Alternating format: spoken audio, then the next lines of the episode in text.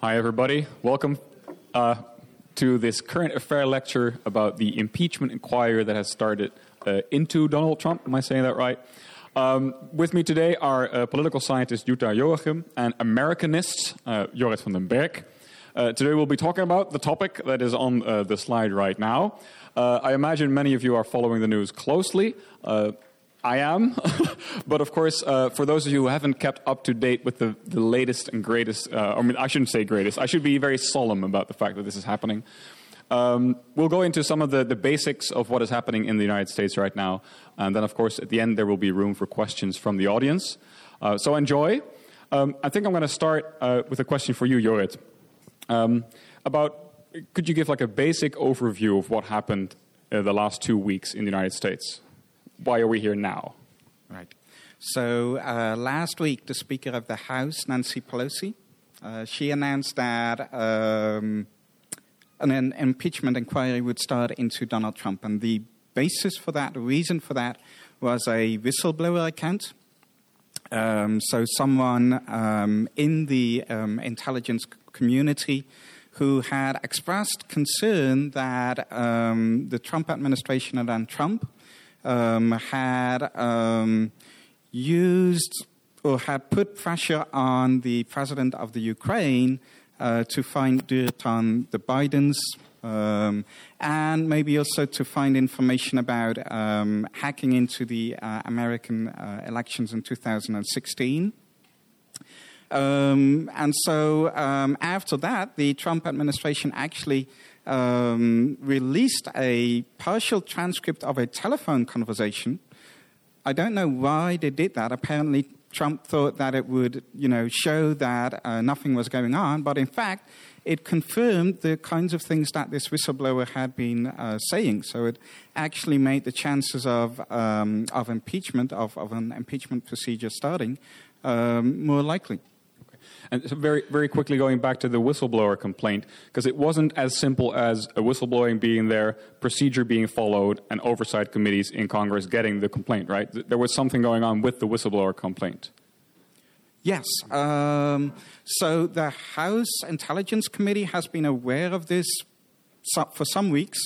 Uh, that there was this uh, whistleblower account, and they had demanded that they um, that they get it uh, from the Director of National Intelligence.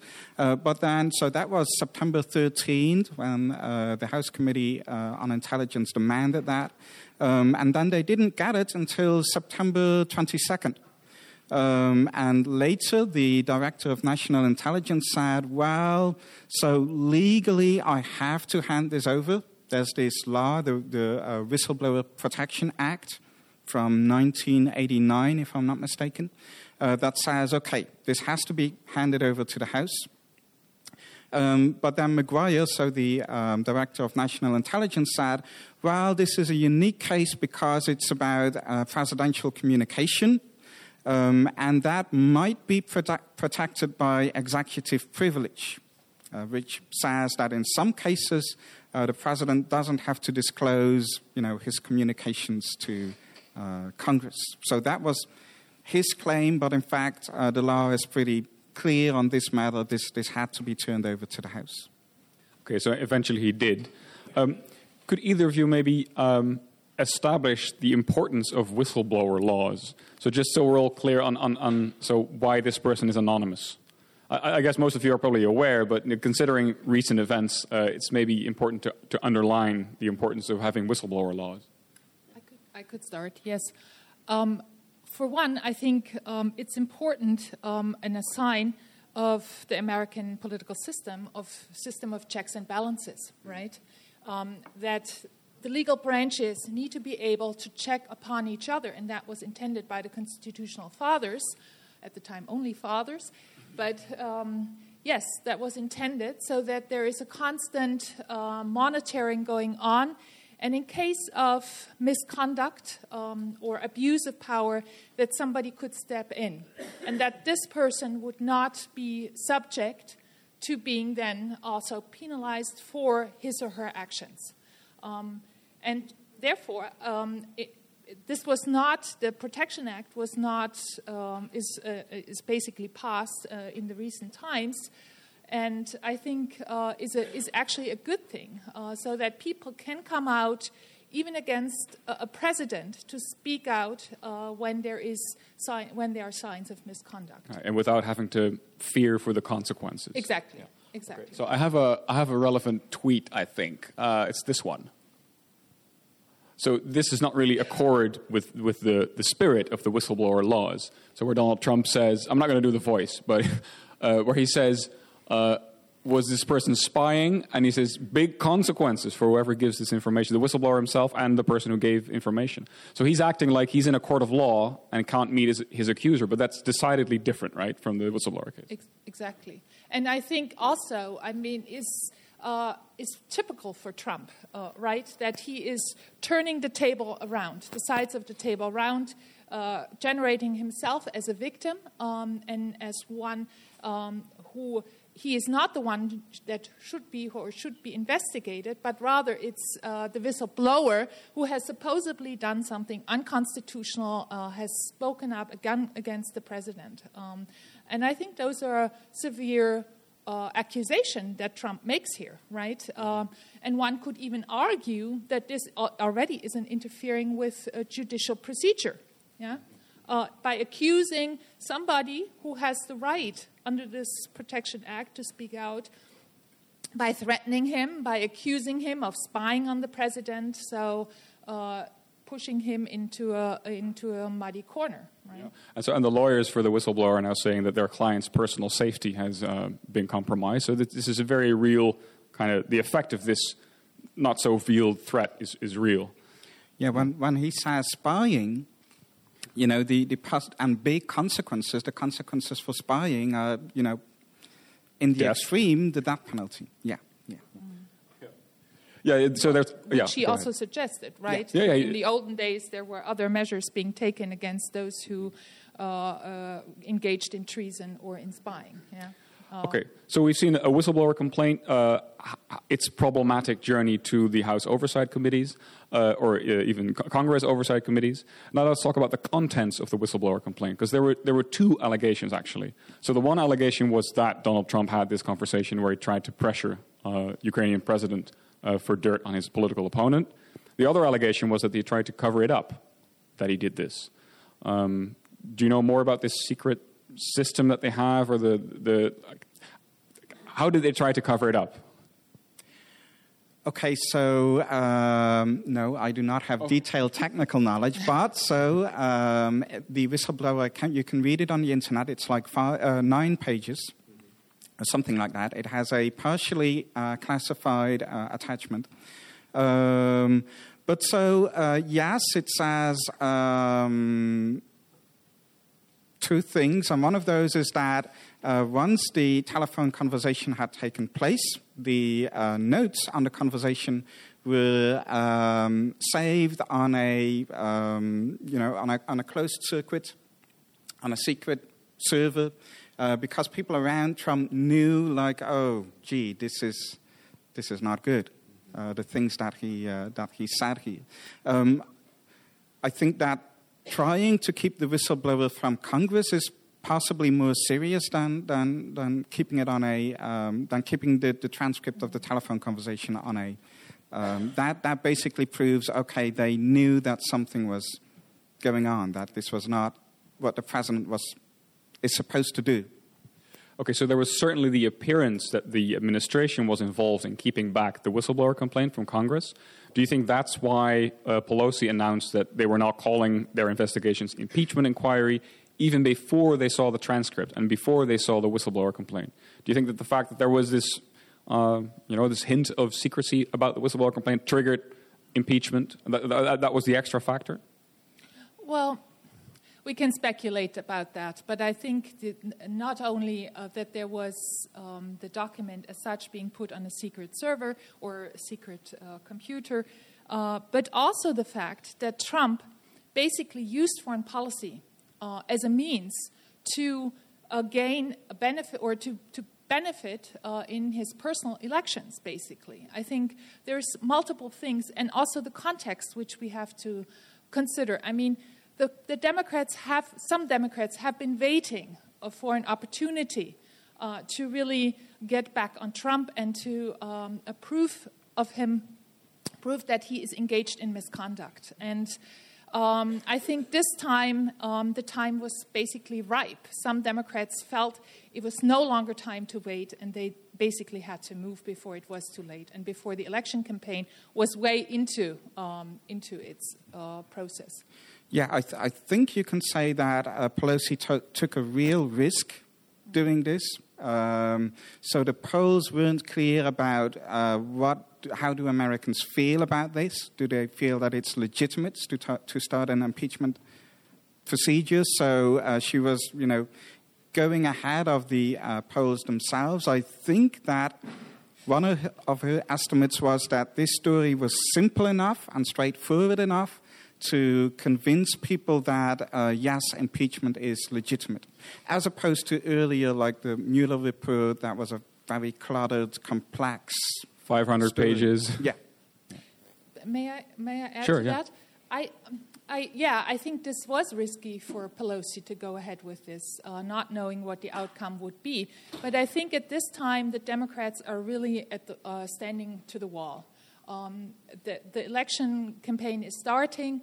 Uh, they have an obligation uh, based on the checks and balances to investigate misconduct. So, legally, they are required to speak up and to investigate if things happen. Um, if they actually then move forward and put this into the realm of this being an impeachment procedure, that's another question. But that they did, I think, also. Um, was showing that the tide was turning in the House of Representatives to, to really um, finally move on the things that hap- have been happening in the past, the Mueller report, um, and Trump uh, continuously using personal connections uh, to, to make political deals. And therefore, I think uh, the, the Democrats, I think, couldn't but move forward with this. We see that I think Pelosi has closed the ranks of the Democrat in the Hou- Democrats in the House. Since the Mueller report came out, we saw like a sort of semi-stable increase of Democrats that said they were in favor of impeachment inquiries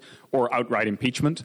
Uh, but this is from yesterday, I think, and the number keeps going up by the hour. I mean, over the past two days, you could just refresh the uh, the Washington Post website, and you saw more and more Democrats come out in favor of impeachment. And you've been doing that, right? I've been I've been refreshing that page, yeah. Um, but what we see here is that uh, so most of the Democrats in the House, and by now we, this means that there's a majority in the House in general, favor an impeachment inquiry. Uh, maybe we can talk about a bit a bit about the difference between an impeachment inquiry and uh, what the ultimate end of an impeachment procedure would be. What what is what is an inquiry? Okay, so, uh, well, maybe it's good to, to clear up something that many people, I think, are confused about. So, um, impeachment does not mean removal of the president. It's not the act of removing the president itself. Uh, impeachment is the name for the procedure that could lead to removal. So, for example, Bill Clinton was impeached, but he wasn't removed from office, so he was acquitted. Um, and so, how this works, it's uh, again a, a classic example of, of checks and balances that um, the House, so the lower chamber, um, draws up articles of impeachment, basically an indictment. They vote on that, and just before this session, we, we, we concluded that they need a simple majority for that, uh, for, a, for it to be passed on to the Senate. And then the Senate, the higher chamber, um, trial the indictment. Uh, so the Senate has the power to trial an impeachment, um, and by a two thirds vote, they decide okay, will the president be acquitted or removed? However, they don't have to. The Senate can even oppose going ahead uh, with the trial, right? Uh, the Senate Speaker.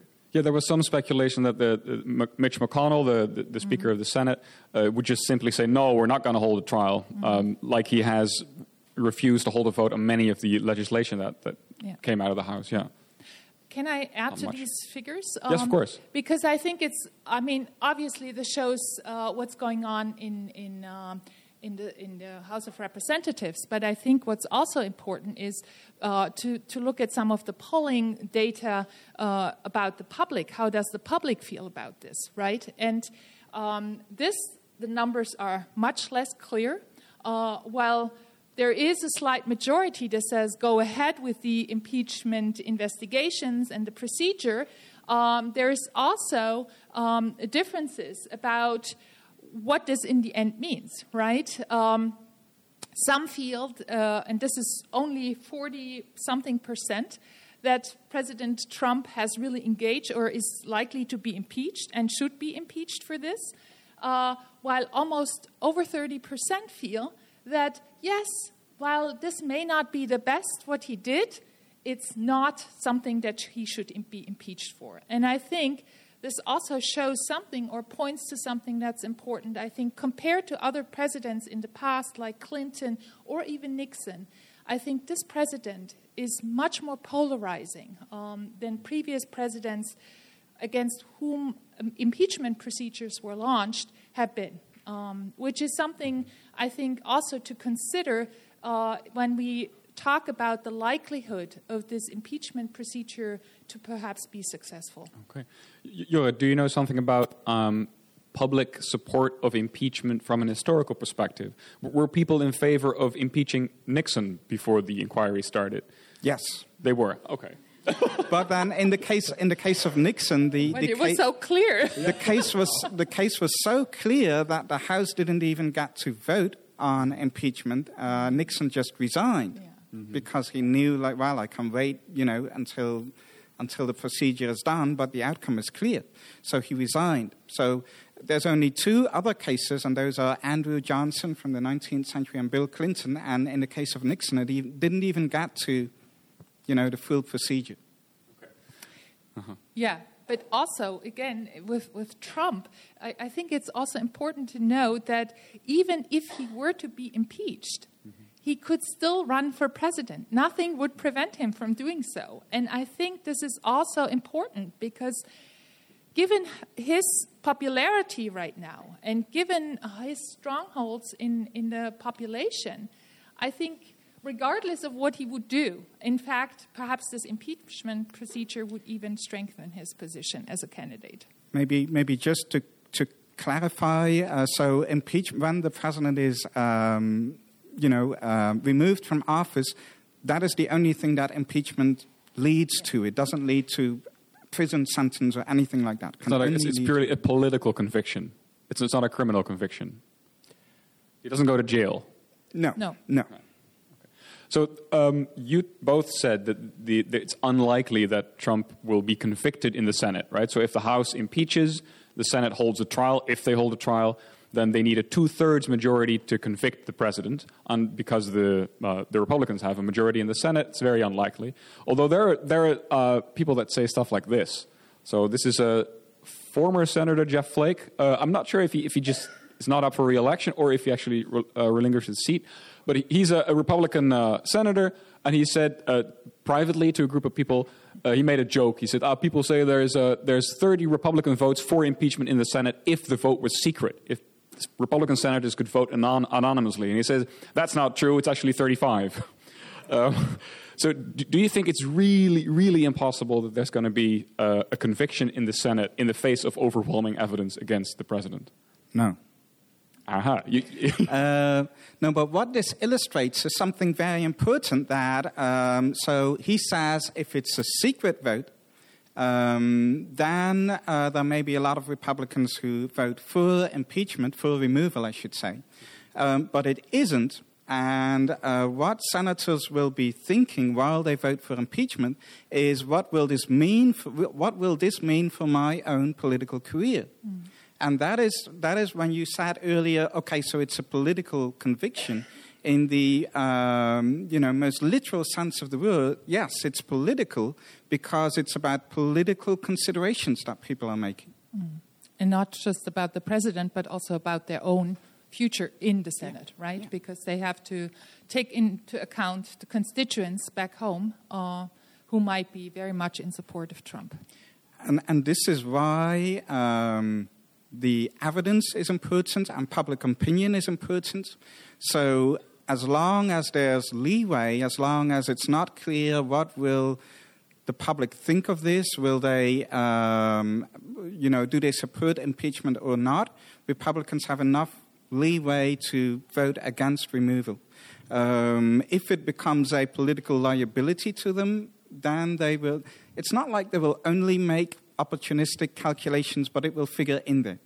Mm. Yeah, I would I would guard against just making opportunistic decisions on the part of the senators. I think if there is um, a strong enough case uh, and if there is clear evidence, I think um, many of them are enough patriots, um, if you will, um, and many of them uh, value the Constitution and value um, um, the legal framework so that, there would be uh, significant pressure upon them um, if they wouldn't. Uh, at least move forward uh, and let it be trialed in the Senate. Um, that's a step I think they would have to take at the, at the most.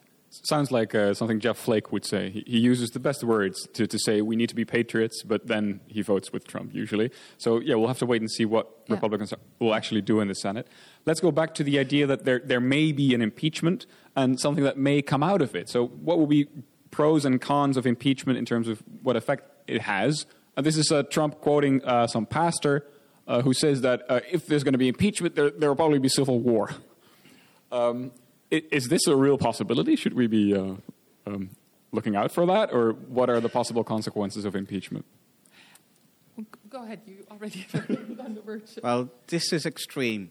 No, I do not think it will lead to civil war.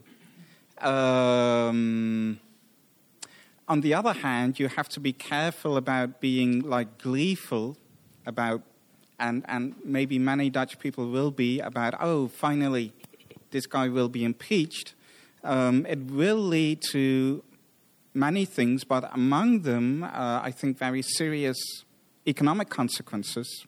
Um, so it will lead to economic insecurity, maybe stock markets going down. So many innocent people, just normal people like you and me, uh, will suffer be- because of these uh, impeachment procedures. So as Pelosi said, you know, it's something to be very solemn and uh, serious about. Mm. Yeah, but I also think, again, you know, drawing on this metaphor of, of uh, a, a, civil war, I think also again points to something else. It's not just a test of checks and balances working, but it's also um, a war over who has the definitional high ground on this, right? And it's also also a war of definition and uh, pushing really the limits, you know, invoking metaphors about war and referring to war, um, which makes this really sound this is uh, over live and die, right? Um, when it's, in fact, about the president himself and his conduct, right? He draws this into a much broader debate and makes this a national issue and deflects from what it's actually about, and that's about him and his misconduct. Yeah, go ahead. Yeah, so, yeah. And, and so, what you will want to keep uh, an eye on is not just the, the procedures, but also who gets to dominate the narrative. Mm-hmm. Um, because, you know, how public opinion will turn, that tells you something about how, what, what will most likely the outcome of the uh, procedure be. Okay, so there, there may be dire consequences, uh, not civil war, but Trump also tweeted that if I get impeached, then uh, Wall, uh, Wall, Street will be gone. Uh, you know, uh, there's going to be a stock market crash. Um, but sh- even if those things are real threats, uh, should they um, should they support what Nancy Pelosi was doing in saying we'll just have to pass off the responsibility of getting rid of Trump to the American people? And have them vote him out of office, and we're not going to go the impeachment route. That's what she used to say until like two weeks ago. Um, is that is that kind of like an abdication of moral duty by the Democrats?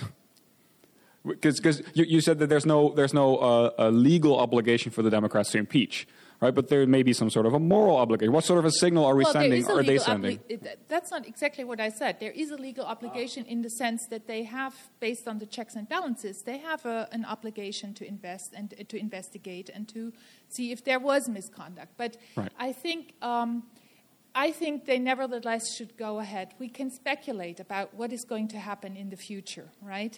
Uh, but I think, one, this is really playing with fears um, playing with society's fears on the future and what might happen, uh, that it hurts them economically, uh, that the country will go down. This is exactly Trump's rhetoric. Mm-hmm. Um, and uh, I, I think this should not prevent uh, an illegal or a political investigation, therefore. Um, we all don't know how it's going to play out, how severe the charges are going to be, but um, I think um, judging this, this should not be the reason for future, you know, to, to let this just go away and not investigate.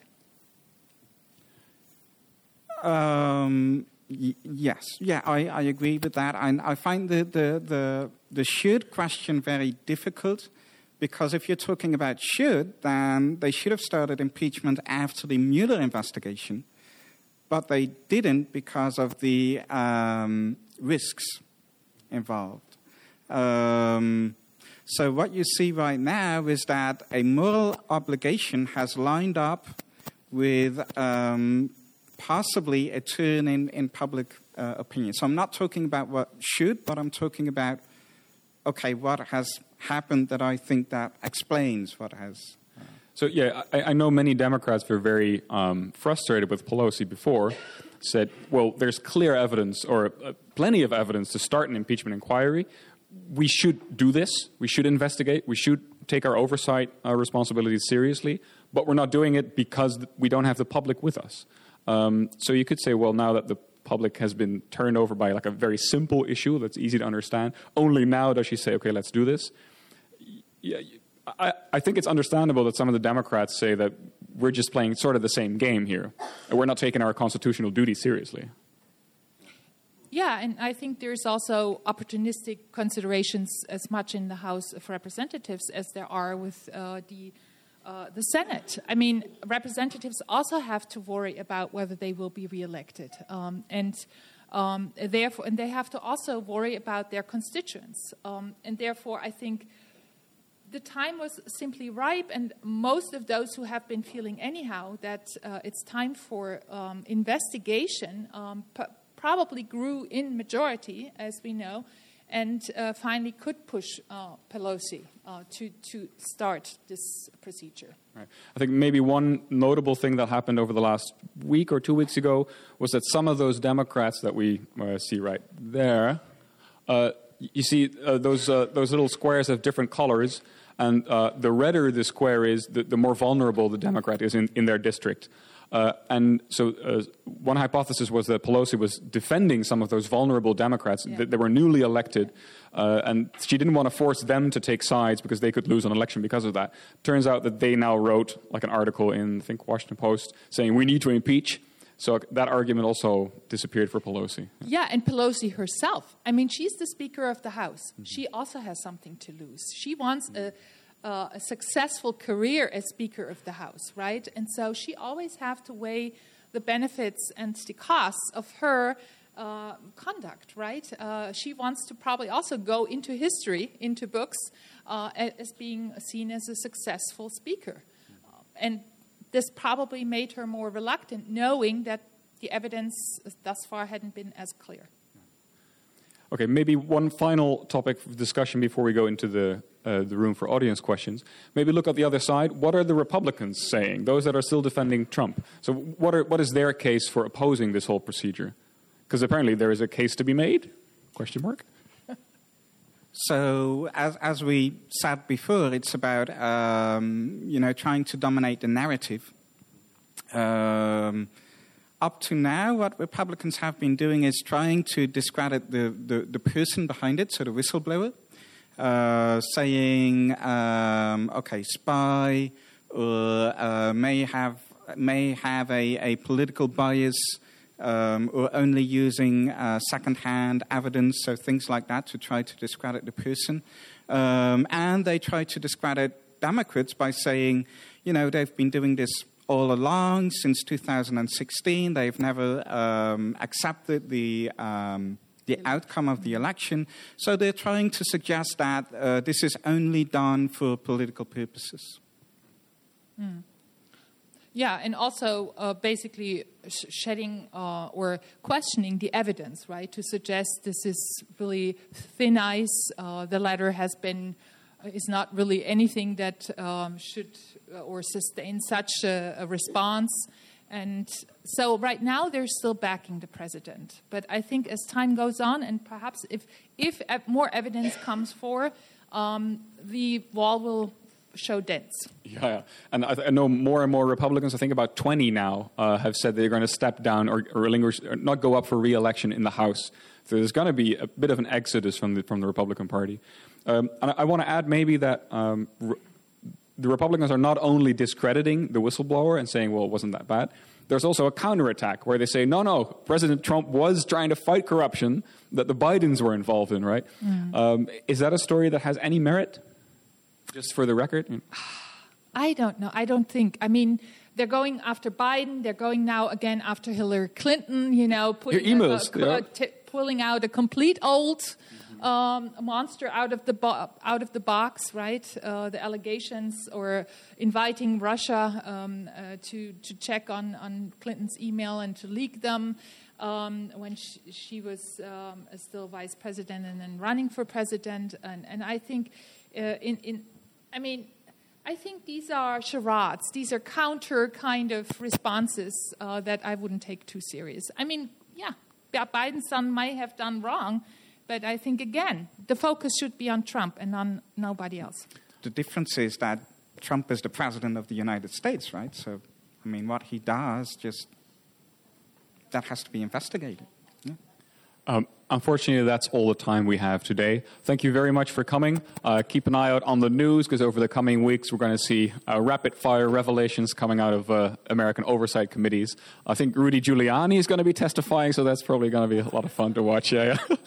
Uh, again, thanks for coming. Keep an eye on the website, uh, ru.nl slash RR for Radboud Reflects for our next um, programs. Uh, again, thank you very much and have a nice day. And thank you, of course. Thank you.